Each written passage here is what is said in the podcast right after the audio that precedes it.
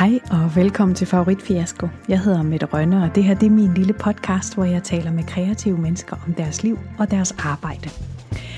Den her episode, den er lidt særlig, fordi øh, jeg har nemlig samlet godbidder fra hele årets episoder.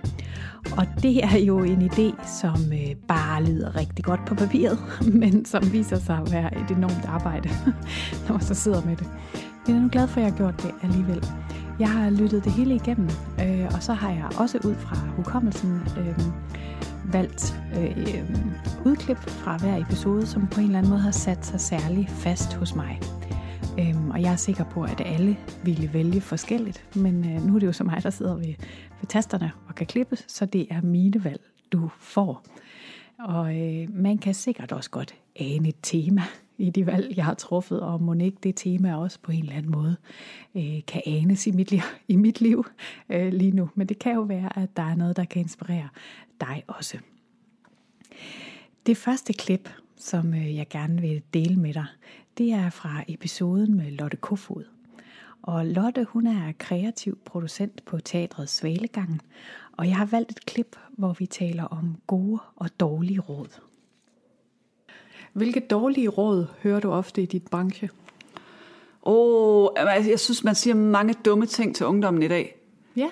Mange, mange dumme ting. Blandt andet, de skal skynde sig gennem deres uddannelse, som for kreative mennesker er jo totalt kontraproduktivt. Fordi hvis man tager en akademisk uddannelse, man gerne vil arbejde kreativt, så er det jo meget alt det, man laver ved siden af uddannelsen, man ender med at få job på. Mm. Så det skal man bruge noget tid på. Og så siger noget, man også siger til unge mennesker, det er, du skal ud og netværke.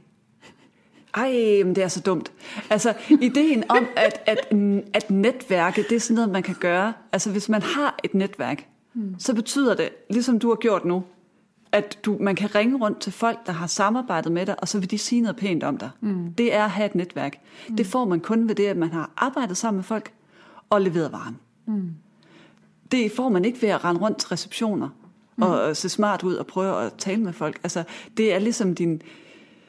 Det, hvad har du lavet? Mm.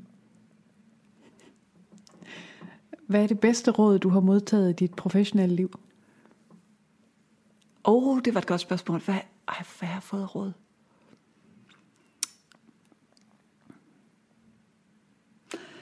Øhm, jeg kan ikke lige komme i tanke om et råd, men jeg kan komme i tanke om et spørgsmål. Mm-hmm. Øh, da jeg arbejdede i borgmesterens afdeling, der fik jeg et øh, forløb, som de kaldte førlederforløb, øh, hvor man skulle få noget afklaring med mulige lederveje i kommunen hvor jeg fandt ud af, at det, jeg troede ikke, at det var den vej, jeg havde lyst til at gå. Og der spurgte en coach mig blandt andet, hvad vil du opgive for at blive leder? Mm. Og der kunne jeg bare mærke, at jeg har ikke noget at opgive. Mm. Fordi jeg har min familie, og så har jeg mit arbejde, og så er der faktisk ikke flere ting. Mm. Øh, jeg vil ikke opgive min kontakt med mine venner eller min familie. Øh, og jeg vil heller ikke have mindre tid sammen med min egen lille nære familie. Mm. Så det, det førte mig til en konklusion af, okay, så er det måske ikke lige nu, at du skal tage en større arbejdsbyrde på dig. Mm. Ja, hvad vil du, hvad vil du opgå? Op, op, hvad vil du opgive for ja. at opnå det, som du gerne vil? Ja. Den er god at have med. Ja. I episode 8, der talte jeg med David Gram, som øh, både arbejder for Lego og for sit eget firma, der hedder Diplomatic Rebels. Og de har en særlig metode, de bruger, når der skal forandres noget i virksomheder. Og vi kommer ind i samtalen, hvor han forklarer mig om de fem punkter, som et øh, sådan arbejde hænges op på. Og de punkter kan altså også godt bruges i ens personlige liv. Her er David Gram.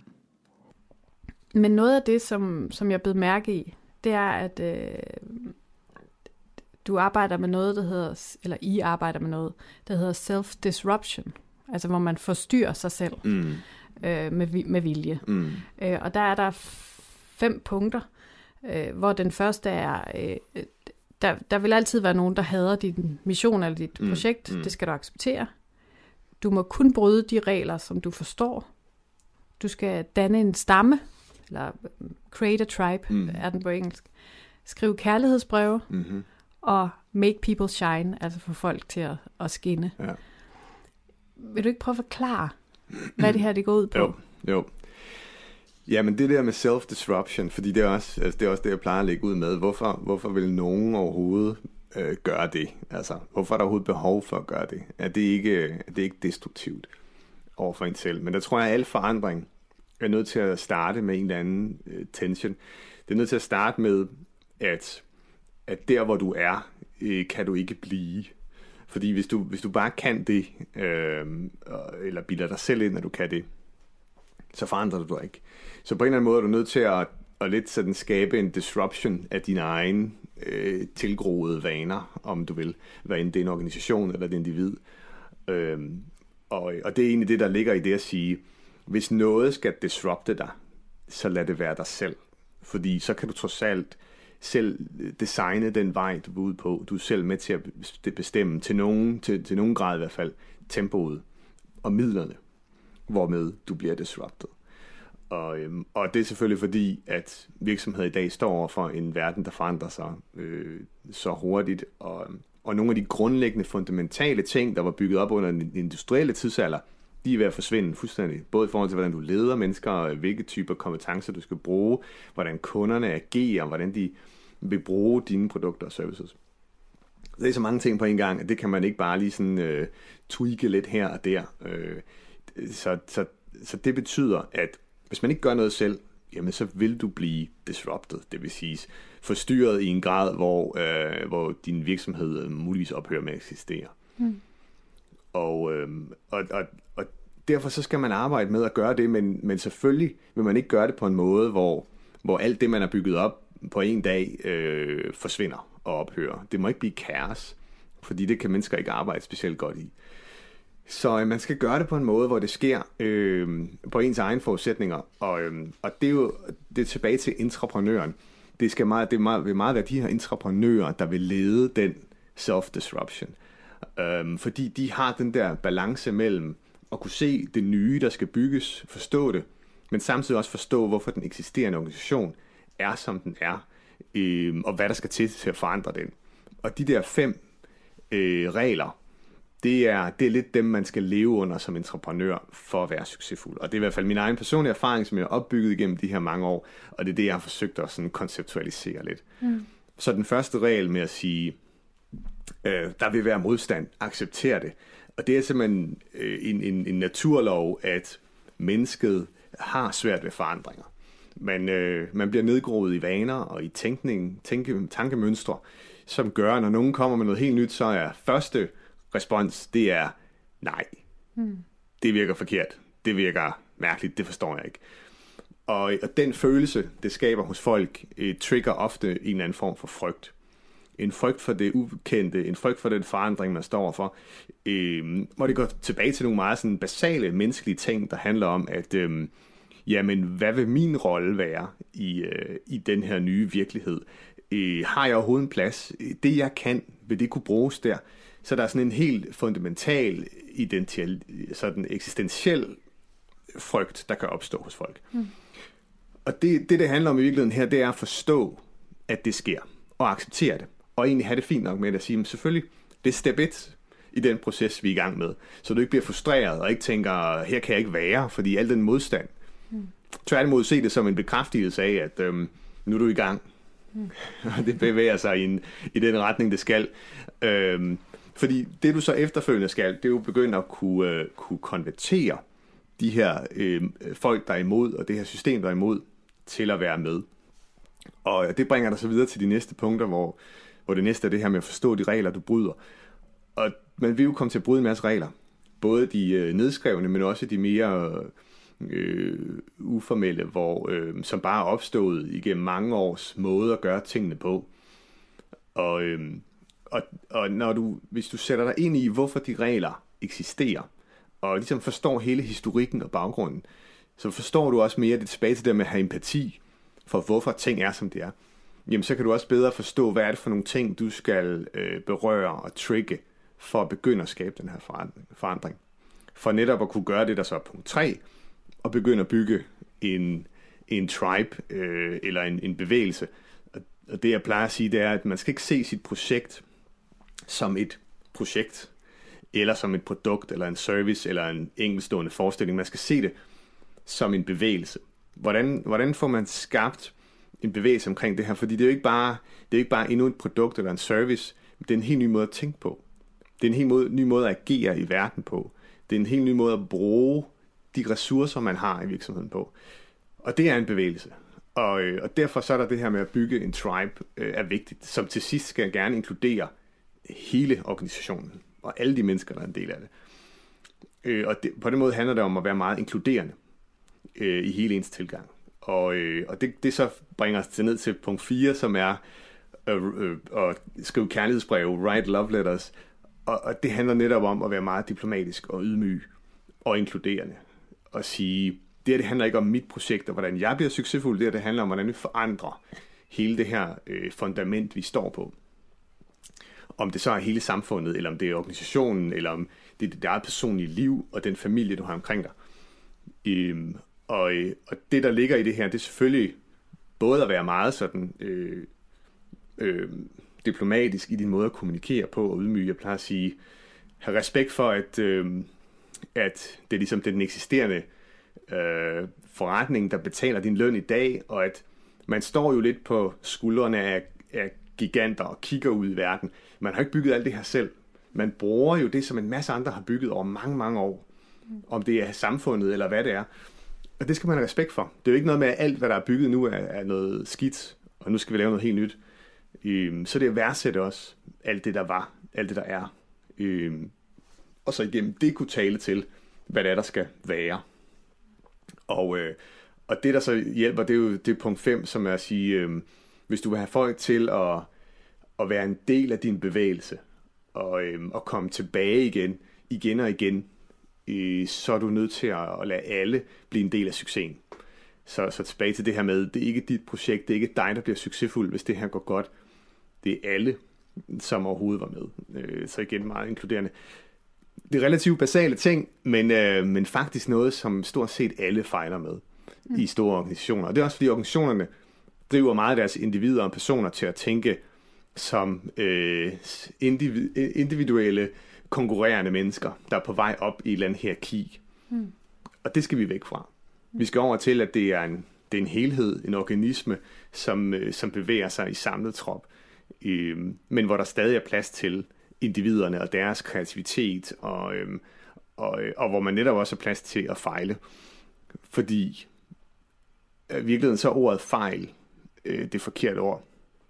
Og jeg plejer at sige, øh, øh, det vi i virkeligheden skal lære, det er at blive børn igen. Fordi det børn kan, det er, at de kan lære. Og de lærer meget hurtigt, og det gør de ved konstant at eksperimentere. Og øh, når man ser et barn, der prøver at, at rejse sig op første gang og falder, så siger man jo ikke, når that's a failure. Mm. Øh, man man uh, encourager det i stedet for at sige, det var virkelig flot. Mm. Du prøvede sindssygt godt, og du lærte noget af det. Og det er samme måde, det er samme kultur og mindset, man skal indføre i organisationerne, i vores samfund, i vores personlige liv, og sige, hvordan kan vi hele tiden embrace det og eksperimentere med nye ting, hvor selvfølgelig, at man ikke er perfekt første gang. Og i stedet for at bruge ordet fejl, så vil jeg mere sige, det er at embrace det, der er imperfekt, øh, på vej mod at blive bedre og bedre. Øh, du siger i en af de der talks, der siger du noget i retningen af, don't aim to win, aim to learn. Mm. Er, er, er det rigtigt husket? ja, men er, er det her med ikke... Øh, øh, du skal ikke prøve at få det perfekt første gang. Nej, det er det, ja. ja. ja. Fordi hvis du gør det, så, øh, så, så bliver du fuldstændig låst øh, af angst for at gøre det forkert. Og i bedste tilfælde, så, så gør du noget, men du gør kun præcis det, du altid har gjort. Og i worst case, så gør du ingenting. Du bliver paralyseret af frygten for at gøre det forkert. Der må være nogle gange, hvor du selv falder i de her fælder. Eller skøjter du øh, helt e- engle, på englevis hen over vandet? Selvfølgelig det, selvfølgelig. Gør du ikke det? Ja. Nej, so much. Um, nej, selvfølgelig er man jo et menneske, der hele tiden øh, har tvivl, og, øh, og, og man kan sige, det her system, der vil jo altid skulle være plads til, at man ikke øh, har troen på sig selv i de her sammenhæng. Og det er meget naturligt. Og det er også derfor, at organisationen og kulturen og den tribe man bygger, er med til hele tiden at, øh, at understøtte der, hvor man selv vakler. Mm.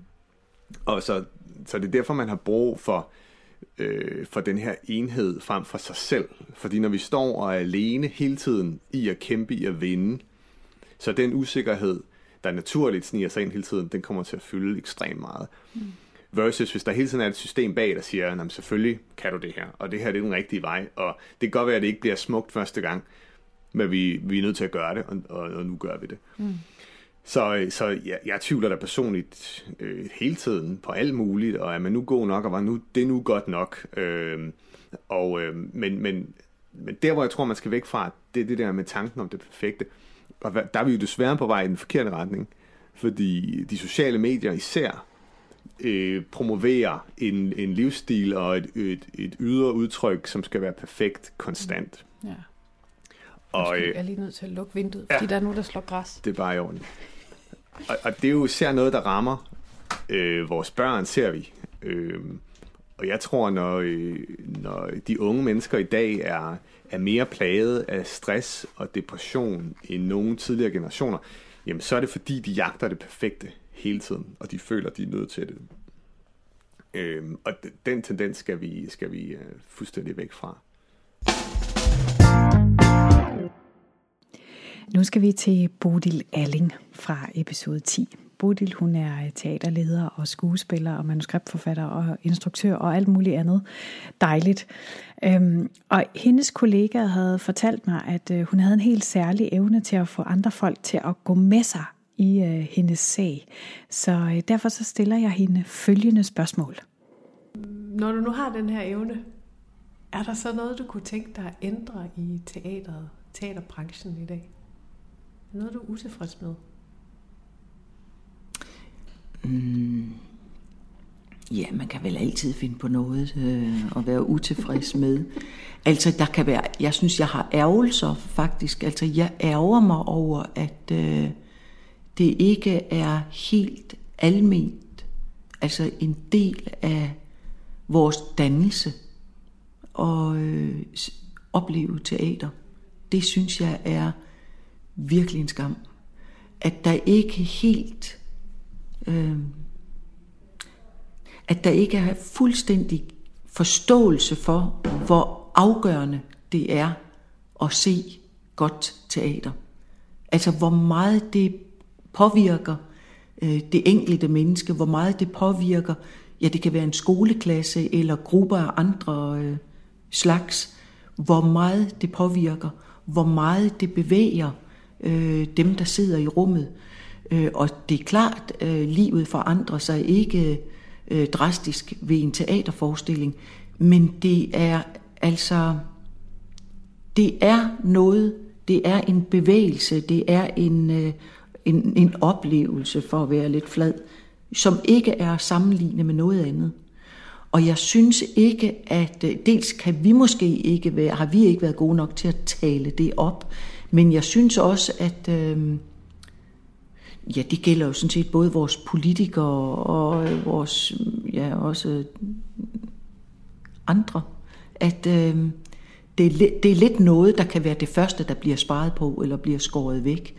Øh, fordi vi har ikke øje for, øh, hvad der sker, når det ikke er der. Og det er jo tit det med store kunstneriske oplevelser, at øh, når det ikke er der, jamen det sker der ingenting ved.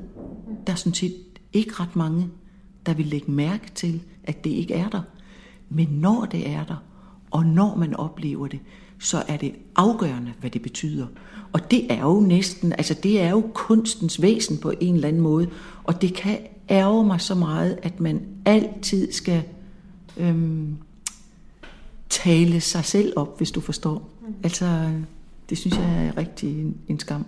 Jeg synes, det er en skam, at, at besparelser og alt muligt gør, at det bliver mere og mere underholdning, der bliver taget mere og mere stilling til, hvad publikum gerne vil have, og jeg mener, at man aldrig skal give publikum det, de gerne vil have.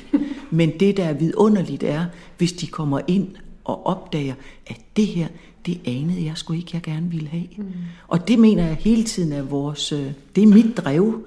Altså det er aldrig nogensinde at falde i, øh, at det her, det er en titel, der kan sælge.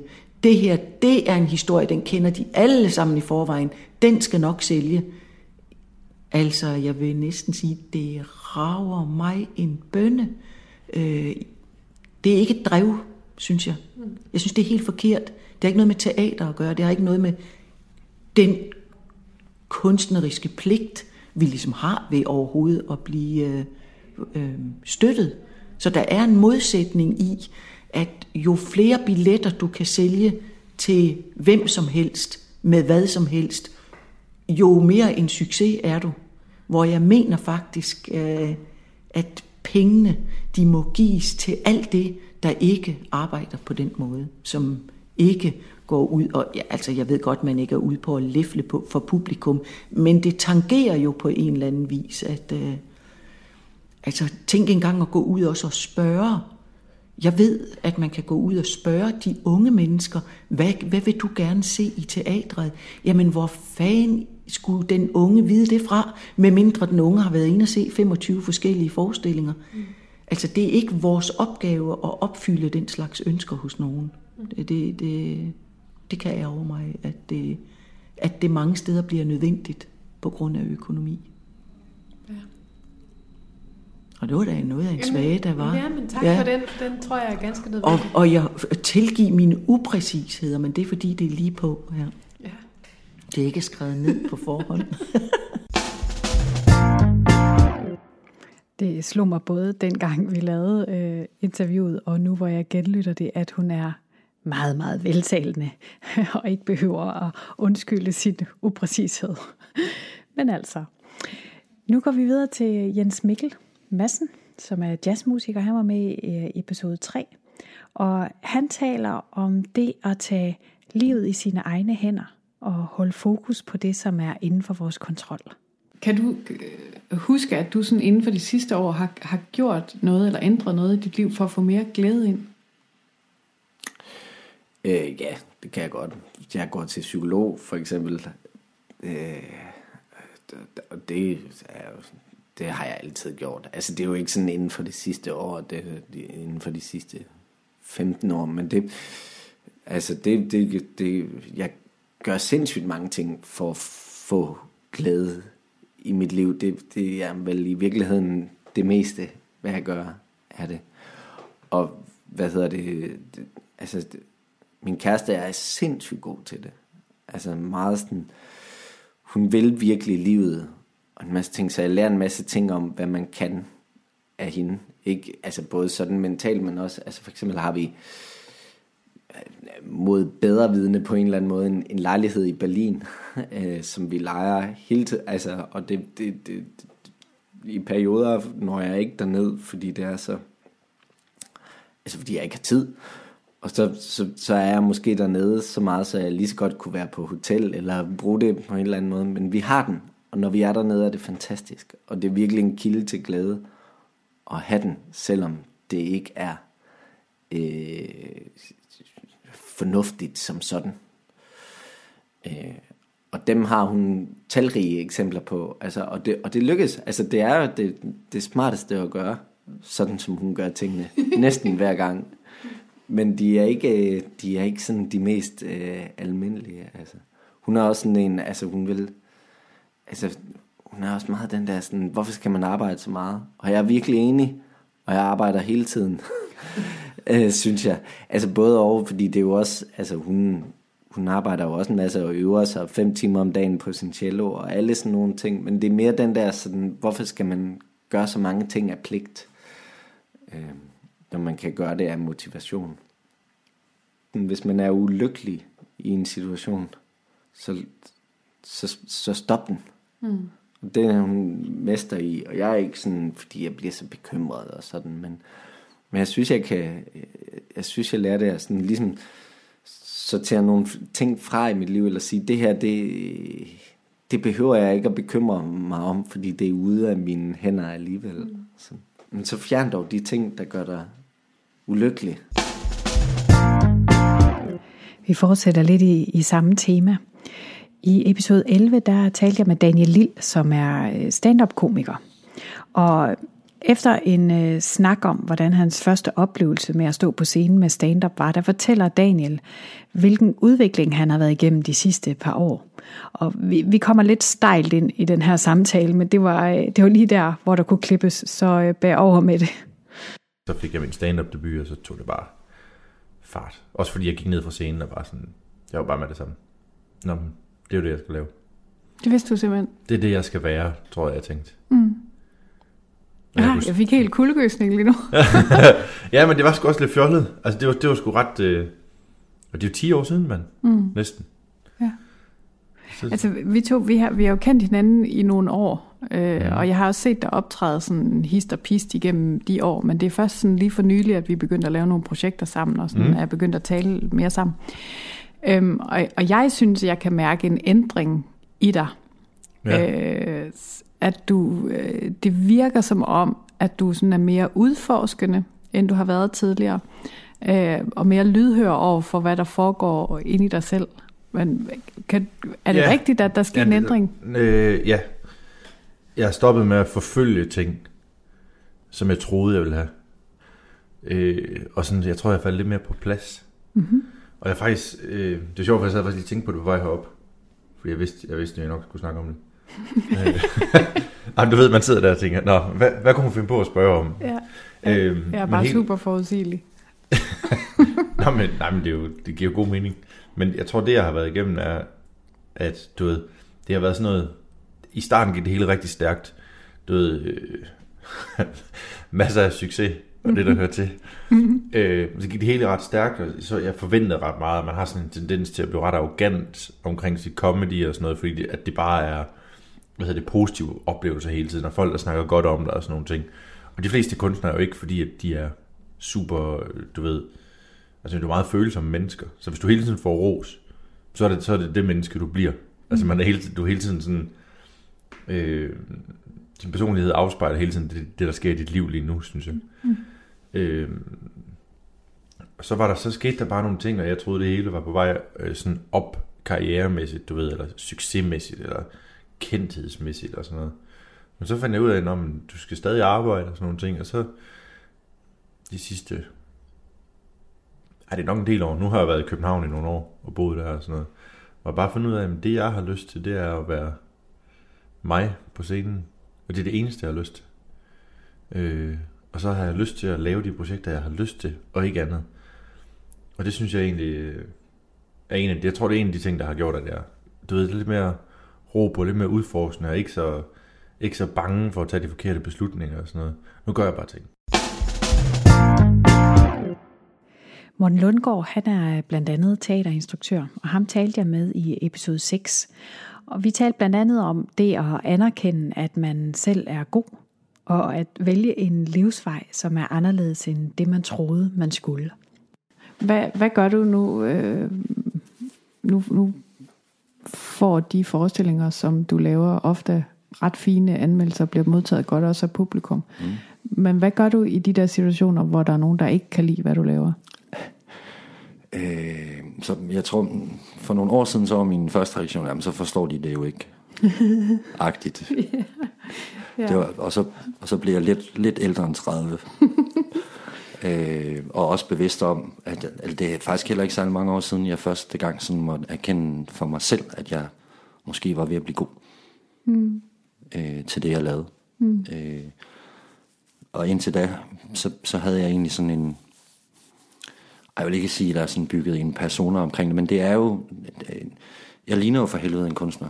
Altså, og, og, og det, det er næsten for nemt bare at være det, agtigt. Mm. Øh, og det er først her inden for de sidste otte år, agtigt, at jeg sådan hviler i det. Før det var det sådan et, et billede, folk havde af mig, og så levede jeg det billede, agtigt. Synes jeg var irriterende at gå rundt i. Fordi du ikke kunne tage imod rosen, eller? Nej, men det, nej, det kunne jeg godt, og jeg kunne godt se, at folk øh, godt kunne lide det, vi lavede, men jeg gik hele tiden og tænkte på, hvornår der var nogen, der kom og opdagede, at jeg ikke kunne finde ud af det. Og at det bare var held, det jeg gjorde, agtigt. Mm. Øh, Imposter syndrome. sådan noget der, ikke? Mm. Og det er ikke fordi, at jeg har haft forældre, som ikke har været gode ved mig, eller fortalt, at jeg har været dygtig. Tværtimod, faktisk. Det, Øh, jeg tror, det har, har været med at gøre, gøre, at jeg også har skulle bryde. Altså, der er ikke nogen i, i, i sådan af mine forældre eller i, øh, sådan moster, onkler og familiemedlemmer, som sådan er teaterfolk. Øh, så jeg, jeg synes også, jeg sådan har skulle dele med at bryde sådan en, ikke en tung social arv på nogen som helst måde, men jeg skulle ligesom gå en anden retning, end, end jeg troede, jeg skulle. Jeg, altså, det lå slet ikke i kortene, da jeg gik øh, på HF og øh, var ude at rejse selv, at jeg skulle være kunstner, øh, uddannet på Kunstakademi og lave teater på Aarhus Teater. Fuck no. Altså, jeg, jeg troede, jeg skulle være lærer eller pædagog eller sådan et eller andet i den tur der. I episode 4, der talte jeg med Niels Peter Henriksen, som er komiker.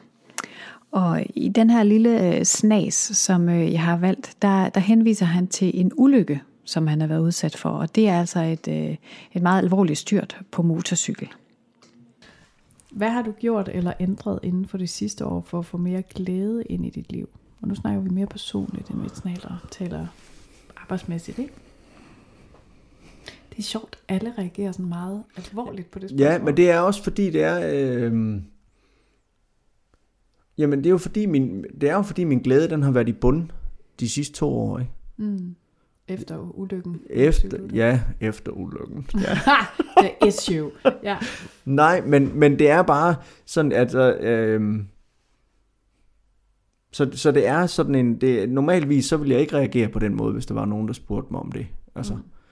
Fordi jeg, jamen det, så, vil jeg, så vil jeg sige, så havde jeg, det ved jeg, sgu ikke købt noget bedre kaffe, eller, eller altså sådan noget, ikke? Mm. Eller kørt nogle flere ture på motorcyklen, eller sådan noget. Men fordi jeg har, jeg er væltet, og min hjerne klappet sammen, og bla bla bla, ikke? Og, og stress og sygemeldinger, og jeg, altså, så er det bare sådan, hvad har jeg, jamen, så er vi tilbage til, hvor vi startede. Jeg har, skåret, jeg har skåret ind til benet. Til, øhm, altså, jeg har bestemt mig for, at nu vil jeg koncentrere mig om mine digte, og få det op at køre på en eller anden måde. Og hvordan ved jeg ikke endnu, og jeg har en deadline, der hedder 2018. Ikke? Fordi jeg gider ikke at gå og, og, og jage og jage og alt muligt. Og så har jeg bestemt mig for, at jeg vil øh, til at på open mic igen. Fordi jeg vil have, have glæden tilbage ved at lave comedy, altså ren stand-up. Og den har jeg ikke haft. Jeg har ikke haft behov for det. Jeg har ikke haft lysten. Og jeg har oplevet at stå på en open mic, hvor jeg bare var nede og kigge en aften, og ikke at savne at komme op og stå på den scene der, sammen med nogle af de gutter der. Jeg havde ikke den der sådan, altså jeg sammenligner, altså nogle gange sådan, det at lave comedy, det er ligesom at være bokser. Ikke? Man går op for at vinde, og man går op for at være den bedste. Øhm, og hvis der står en deroppe, der er, der er bedre end de andre, så vil jeg gerne op og knock out ham lige bagefter. Ikke? Fordi sådan mig folk snakker om, når de går hjem. Ikke? Mm. Og hvis man ikke har det drive, så mener jeg, så kan det i bund og grund være lige meget. Men der har jeg stået og tænkt, det har jeg ikke det her. Jeg står bare her. Jeg savner det ikke. Men bliver du ikke bange så? Jo, det gør det. Selvfølgelig gør det. Så, det, så, så tager du et aktivt valg om, at jeg skal? Jamen, så må jeg sige, okay, hvad er det så, der har gjort, at jeg er endt der? Jamen, det har jo så alle de her omstændigheder, jeg ikke har kunne gøre noget som helst ved, og jeg kan ikke bruge tiden på at gå og sige, at jeg skulle have gjort anderledes, og det, ene. altså, det kan jeg jo ikke. Øhm, men det kunne jo også være, at jeg var endt fordi at, at jeg ikke har haft den der ventil, som jeg har haft de sidste 20 år. Ikke? Ved en gang eller to om måneden at komme på en open mic, og så lige at få luftet hjernen ud. Ikke? Det kan jo være, det er derfor. Mm. Øhm, det er jo min kloge kone, der sagde det. Tror du ikke, du skal til at gøre det igen? Jo, det kan sgu da godt ske. Så du vil tage tilløb til at få mere glæde ind i dit liv? Nej, jeg synes, at glæden den er... Øh, jeg har det sgu godt. Det har jeg. Du ser meget alvorlig ud. Jamen det har jeg. Jamen det kan, ja. Men det er fordi, jeg er tænkt som menneske også. Jeg har det sgu godt. Jeg har, jeg har det godt. Og jeg er, jeg er glad jo. Altså, ja. det er jeg. ikke? Selvom det ikke ser sådan ud.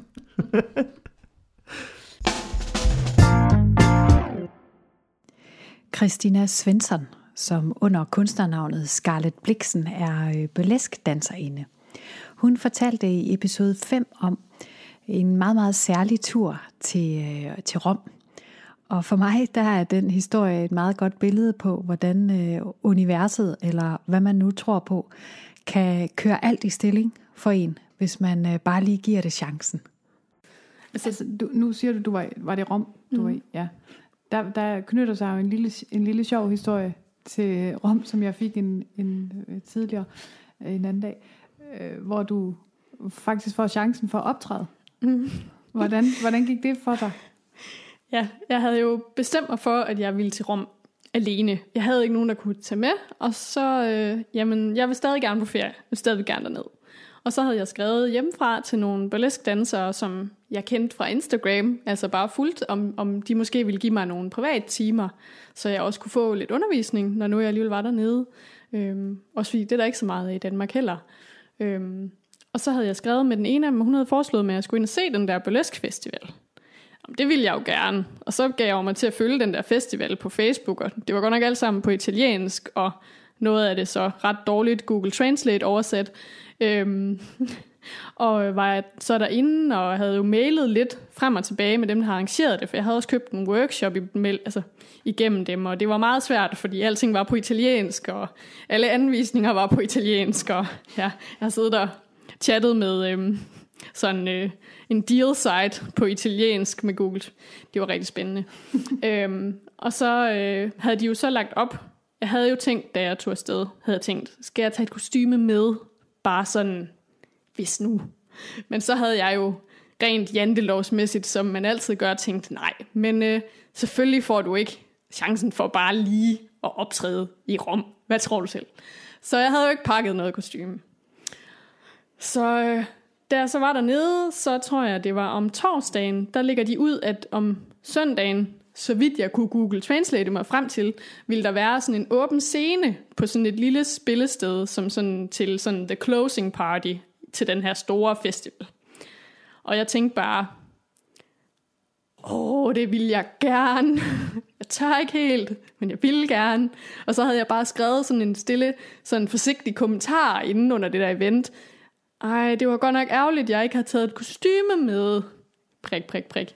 Og så havde hende der arrangøren svaret, at det kunne være, at hun kendte en, der kunne skaffe mig et kostyme. Og så havde jeg sådan øh, to gange i træk en aftale med den her dame, der ligesom havde et, et, skulle have nogle kostymer liggende, jeg måske kunne låne, men det blev ikke lige til noget, og så tænkte jeg, nej, men øh, jeg er nødt til at gøre et eller andet. så øh, jeg øh, besluttede mig for, så googlede jeg øh, genbrugsbutikker i øh, nærheden, og så besøgte jeg dem alle sammen på tur, og så fandt jeg på magisk vis med det. Det forstår du ikke, hvor skæbneagtigt det var. Jeg fandt en øh, ferskenfarvet øh, sådan øh, bullet bra, sådan en rigtig 50'er BH, øh, vintage i sådan en, øh, en rigtig flot, fantastisk øh, genbrugsbutik dernede. Og det er fantastisk, fordi det aldrig findes i min størrelse. Som i det er aldrig sket før i mit liv, fordi mine bryster er alt for store til alt nogensinde, der er vintage. Øhm, så jeg tænkte, det er skæbnen, den køber jeg, så må mit kostyme ligesom komme fra den. Mm. Og så spurgte jeg så, eller det vil sige, at Google Translate på min telefon, kender du en skrædder? Og mm. viste det til hende her damen, der ejede genbrugsbutikken. Og hun var sådan, sig, sig, sig, og pegede ud af døren og ned ad gaden. Hvor jeg så fandt en øh, syforretning, som var en stofforretning også. Fik syet en kappe og nogle handsker og et, nogle, et nederdel, og var sådan, yes, det kører vi med. Og så øh, plejer jeg at bruge sådan nogle rosenblade. Og tænkte, nå, men øh, hvorfor kan jeg skaffe sådan nogen? Og så lå der igen, skæbnen, en øh, Tiger of Copenhagen butik, øh, lige midt øh, på strøget, og jeg var sådan, yes! Og det var jo lige omkring øh, Valentinsdag der i februar, så de havde rosenblade, de var skæbnen alle sammen. Øhm, så nu havde jeg jo pludselig et kostyme og et, et nummer. Jeg havde et gammelt, øh, jeg havde noget musik på min telefon, jeg kunne bruge. Så, så jeg skrev til dem, jamen jeg vil godt være med. og så øh, blev jeg jo sat på til at skulle optræde der om aftenen. Og det var jo aftenen inden jeg skulle hjem. Jeg skulle med flyet øh, søndag morgen klokken 5, så jeg skulle øh, være i lufthavnen der klokken 3 om natten. Og øh, så øh, den her åbne scene, jeg skulle optræde på, vi var tre piger, der skulle, skulle performe. Øhm, og den ene pige var forsinket, så det blev ligesom hele tiden skudt, hvornår vi skulle gå på scenen. Så, så vi gik på sådan lidt over midnat. og øh, da jeg så ligesom havde optrådt, så sad jeg lige og fik en drink og sådan noget. Øhm, og så spurgte jeg dem, om, om jeg måtte have lov til at, at, at gå nu, fordi jeg skulle hjem og nå mit fly. Og så fik jeg at vide, at jeg skulle lige blive, til de havde fået resultatet. Og så tænkte, tænkte jeg jo, øh, resultatet, siger du. Mm. Fordi det viste sig så, at det var en konkurrence. Ja. og det viste sig så også, at jeg havde vundet. så øh, nu skulle jeg jo pludselig tilbage til Rom til den her semifinale her i øh, juni måned. Så det går jeg så og forbereder nu. Men det var også en af de her ting, hvor at man er bare nødt til at sige ja og håbe på det bedste. Øhm, og så lykkedes det jo også alt sammen alligevel. Og det er fantastisk. Det er en god historie. Jamen, det er en af de der historier, som minder en om, at øh, sig nu ja til dit liv for helvede.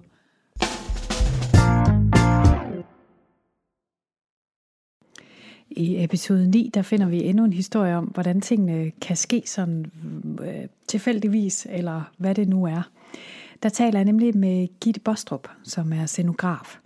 Og jeg spørger hende om, hvordan hun endte som scenograf, når hun egentlig er uddannet designer. Og det bliver altså til historien om, hvordan dyre, dyre lærepenge kan banevejen for noget, som er det helt rigtige. Og det kan man jo så huske på, når det ser helt kulsort ud. Jeg gik jo på designskolen i, øh, i Herning som hold nummer to. Øhm, det var før det blev sådan systematiseret som TECO, tror jeg det hedder nu. Altså, mm. Men dengang det var der meget eksperimenterende og fremragende uddannelser. Og samtidig så var jeg med til at starte Kvindehus i Herning. Det var sådan en tid, der var, som virkelig var sådan øh, modsætningerne mødes. Og der, dengang gik, gik det op for mig, at der er et eller andet, der ikke passer sammen. Da jeg var med til at arrangere en skønhedskonkurrence, mod, mod demonstration, hvor vi kårede en ko på øh, Herning Rådhus.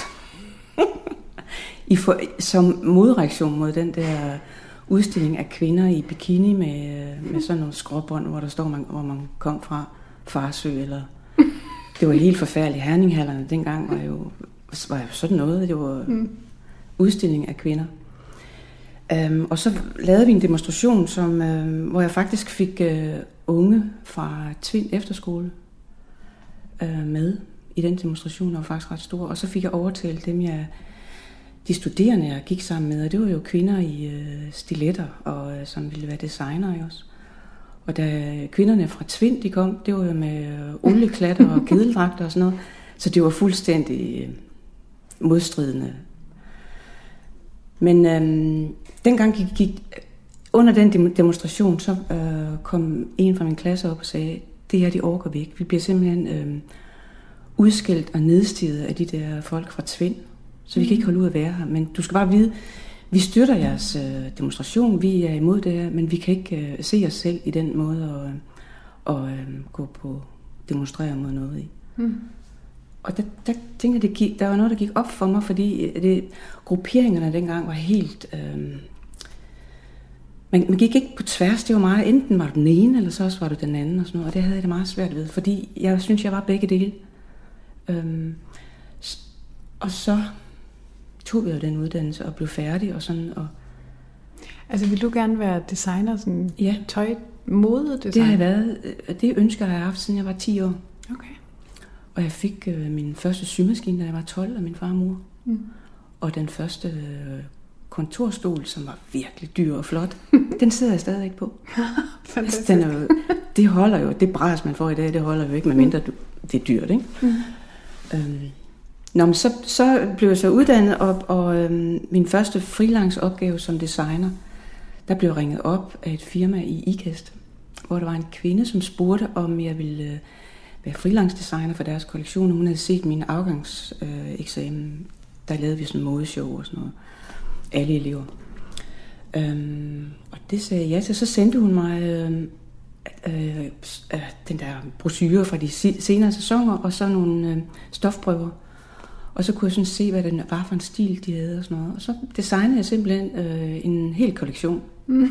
og var skide glad for det, og øh, 19 år og blåret. Og, og så tog jeg til IKAST og blev mødt øh, af en kvinde bag et stort øh, mahonisk skrivebord. Dengang lå alle øh, øh, fabrikkerne jo lige ved siden af hinanden. De der, øh, nu bliver det syd. Først kom det til Malta, og nu er det så ja, langt mm. bort i den. Men dengang var der masser af fabrikker, som mm. designet og, og, og lavede ting selv. Nå, så kom jeg ind, og hun var tydeligt begejstret, for jeg spredte jo tegningerne ud og forklarede, og hun var helt vildt begejstret. Så ville hun gerne vise mig øh, fabrikken, og jeg skulle møde de der modelsyrsker. Der sad altid to modelsyrsker, som syede idéerne op, så man kunne se, holder det, og er den for kort eller for lang eller for smal eller sådan noget. Mm.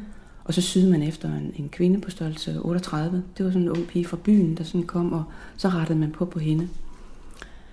Da vi så kom tilbage fra det der besøg for øh, rundt i fabrikken der, så lå mine tegninger sådan samlet i en bunke på det der mahoni bord, sådan samlet ind. Det stussede jeg godt nok lige over. Øhm. Og så rakte hun mig bunken, og så sagde hun, øh, tusind tak for besøget. Jeg ringer til dig inden for de næste 14 dage. Mm.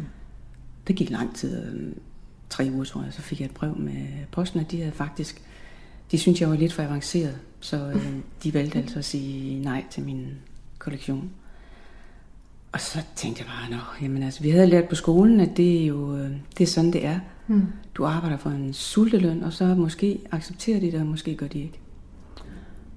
Nå, men så øh, nogle måneder efter, et halvt års tid efter, sådan noget, så tog jeg på Bella Centeret sammen med en veninde, fordi for at se, hvad rører der sig. Det, det er det samme, som der sker i Øksnerhallen nu, mm. med modedesignere, der mødes, opkøbere fra, he, øh, fra hele verden og sådan noget. Og dengang var det jo ikke så stort. Som. Nå, men så, øh, og så så jeg jo hendes stand. Og så gik jeg jo hen til hende, og der stod, der hang alt mit tøj. Ej. Og jeg blev bare sådan, og jeg sagde, der hænger alt mit tøj, og så gik hun hen, og så gav hun mig hånd, og så sagde hun, har vi nogensinde mødt hinanden? Nej. Jeg blev fuldstændig rystet, altså sagde, det der, det er mit tøj. Så sagde hun, altså jeg tror, du har... Tudbrøl løb ud og fandt en telefonboks og ringede til skolen og til Carl Otto, der var leder dengang, og sagde, hvad skal jeg gøre? Så sagde han, øhm, her har du da faktisk lært noget. Du skal aldrig nogensinde gå for dine tegninger. Hvad bilder du dig ind? Mm. Aldrig nogensinde. Og så sagde han, vi vil gerne på, på dine vegne øh, prøve at anlægge sag, men øh, de er lige for en lærer, der har designet nederdel, en meget speciel nederdel. Der har de øh, også anlagt sådan en prøvesag mod virksomhed. Og der øh, tabte de sagen, fordi lommen var flyttet to centimeter. så han sagde, din chance for, eller vores chance for at vinde en eventuel sag, den er minimal, og det bliver skide dyrt. Ja. Så sagde jeg bare, tænkte jeg, her skal jeg så bare ikke være. Nej. Så derfor tænkte jeg, man kunne også lave noget andet. Det var simpelthen det, der gjorde det? Ja, det var det. Var det. Og det mest sjove, mange, mange år efter, så øh, underviste min lillebror på skolen på Tego hed den dengang, og, øh, eller, ja. og så sagde han så, der, der baserer en... Han ringet til mig, så sagde han, at, var der ikke et eller andet med, at du havde efterlagt nogle tegninger, så var du simpelthen bare blevet kopieret. Så sagde jeg, jo, det, øh, så sagde han, den baserer som en historie på skolen, som en lærestreg, hvordan man ikke skal gøre det. Så kunne vi jo grine af det. Det var jo ret sjovt.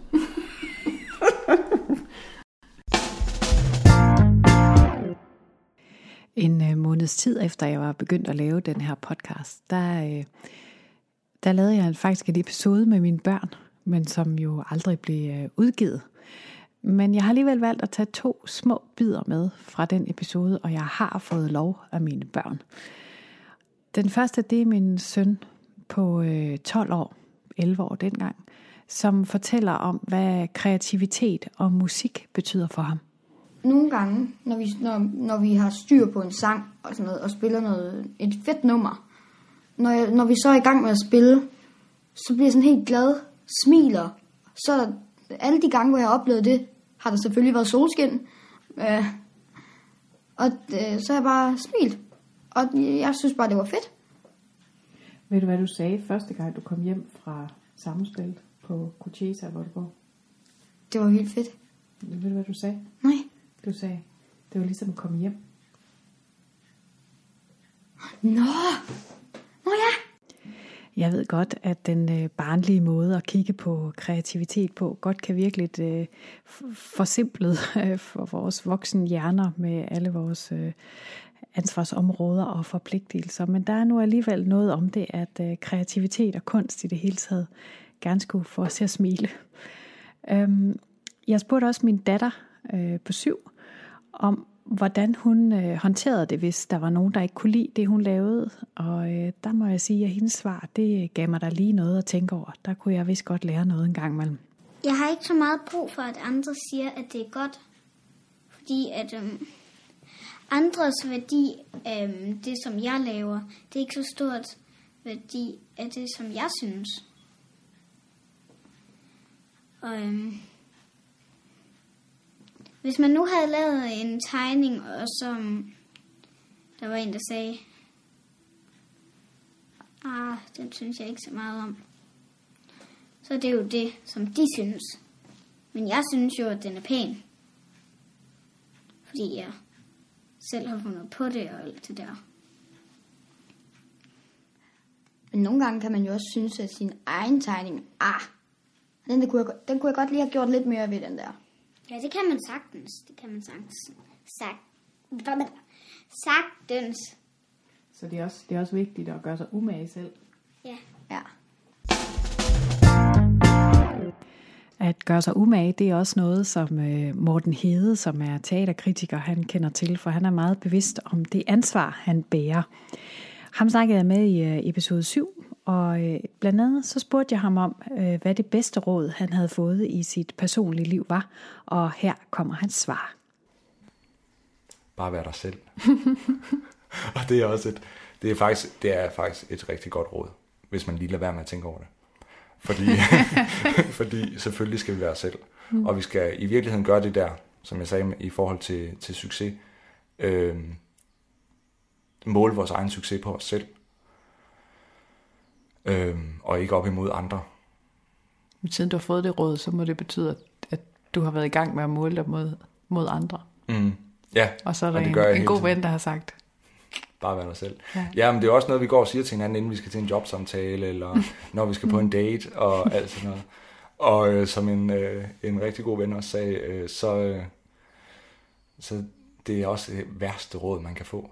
Mm. Fordi jo, hvem mig selv? Altså, man er så meget, man er ikke bare sig selv. Man er jo øh, tusind versioner af sig selv hele tiden. Mm.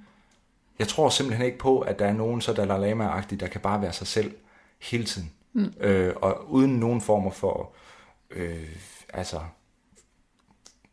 altså det, den ægt, den, den øh, hvad kan man sige, den kerne af sig selv, tror jeg slet ikke, man kan blot så meget. Den, der, der vil altid være en eller anden form for lag på, også når man er alene. Altså, det vil der være, Mm. tror jeg. Så, så det er skodråd. Men det er faktisk et, øh, men, men pointen er god. Ja. Pointen er virkelig god. Vi øh, slutter på en måde med begyndelsen, fordi øh, den første episode, jeg overhovedet lavede, det var med Anders Brink Madsen. Han er skuespiller. Og han får altså også lov til at lukke den her episode af.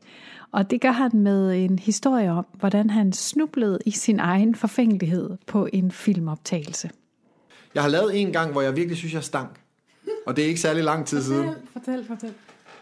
Jeg skulle lave en optagelse til en serie, der faktisk kommer nu her, der hedder Grey Zone.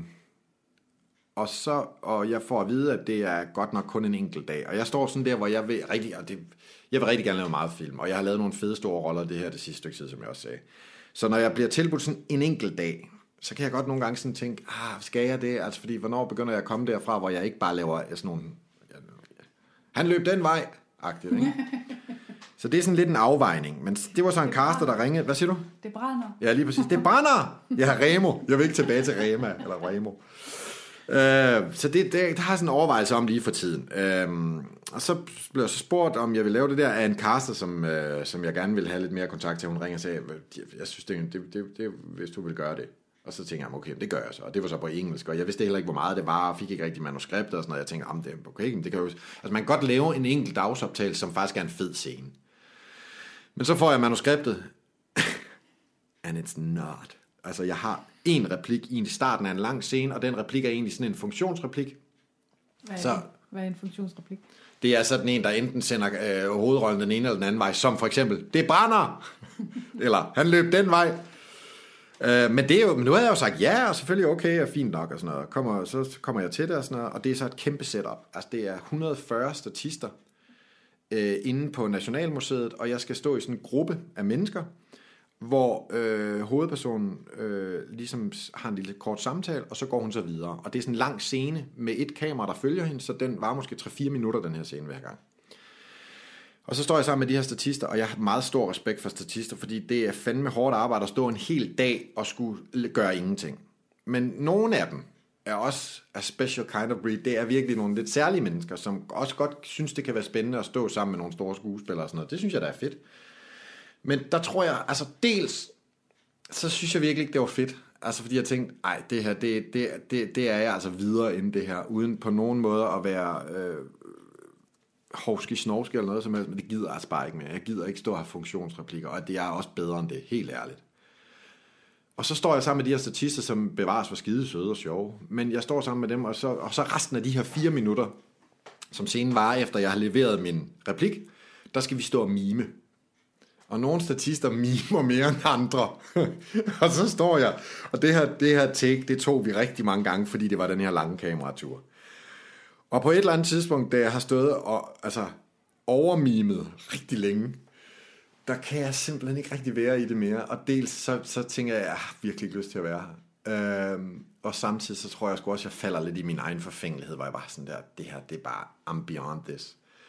Så hver gang vi tager den, og der er de her 140 mennesker, du ved, det er sådan lidt særlig stemning, altså jo mere, så lige pludselig kan jeg ikke huske min replik. Jeg har en på engelsk, og den lød, nu skal jeg huske, den lød, øh, hvad fanden, okay, jeg, kan, jeg, kan, jeg, jeg har fortalt den her historie flere gange, det lød sådan lidt med, I'm really inspired by your work, tror jeg, den skal hedde. Og så siger hovedpersonen, mm, ja, og hun gider ikke rigtig snakke med os. Og så går hun videre. Og lige pludselig kan jeg ikke huske mine replikker, og jeg er meget god til at huske replikker. Og, og, og hver gang så går jeg næsten i panik inden, for jeg tænker, det er for pinligt, der står 140 mennesker og et helt, og jeg, og jeg kan ikke huske, hvad jeg skal sige. Og jeg får sagt alt muligt som, really, wow, what a job.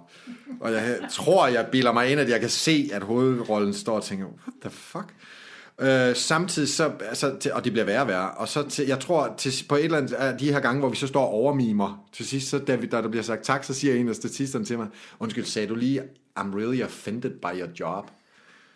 Og der må jeg sige, ja, det tror jeg faktisk, at jeg fik sagt. så jeg kan ikke engang huske, hvad spørgsmålet var. det var et eller andet med, hvornår jeg har lavet noget, der virkelig var dårligt. Det der, det var virkelig, virkelig dårligt. Og jeg havde lyst til at krybe i et musehul og gå min vej, men så tænkte jeg alligevel, det, det er så skidt, men jeg bliver nødt til at gå og sige farvel til instruktøren. Og så sagde jeg, øh, tak for i dag, da jeg gik, så sagde han, ja, øh, skide godt arbejde. Og så sagde jeg, øh, det ved jeg sgu ikke rigtigt. Jeg tror, jeg, jeg ved sgu ikke, jeg fik lige uh, fucket lidt rundt i et par replikker. Ja, ja. Okay. Og så kørte jeg skamfuld hjem og skyndte mig at ringe til 8 og fortælle, hvor forfærdeligt det havde været, så jeg kunne grine lidt af det. det er virkelig ikke en stor dag i min karriere. I'm really offended by your job. Ja. Ja, jeg kan kun uh, anbefale det der med at, at ringe til nogen og få snakket om det med det samme, så går brøden altså lidt af tragedien. Det var alt for det her, den her episode. Jeg glæder mig rigtig meget til det bliver februar, fordi så skal du nemlig høre fra en tryllekunstner, som jeg har talt med. Og der håber jeg, at du vil lytte med igen, og jeg håber også, at du har nyt den her episode, det her tilbageblik. Men mest af alt, så håber jeg simpelthen, at du vil fortælle øh, dine venner om den her podcast, så de også kan få nogle af de her lytteoplevelser og måske nogle gode råd med på vejen. Og det kan du altså gøre ved at fortælle dem det sådan helt almindeligt, mund til mund. Du kan også gå ind på iTunes og give en øh, stjernerating og en anmeldelse. Du kan dele den på Facebook. Du kan lave en plakat. Jeg ved det ikke, men øh, spred gerne det gode budskab, og så øh, lyttes vi ved. Og indtil da, der håber jeg, at du vil kysse på nogen, som du holder af. Hej hej.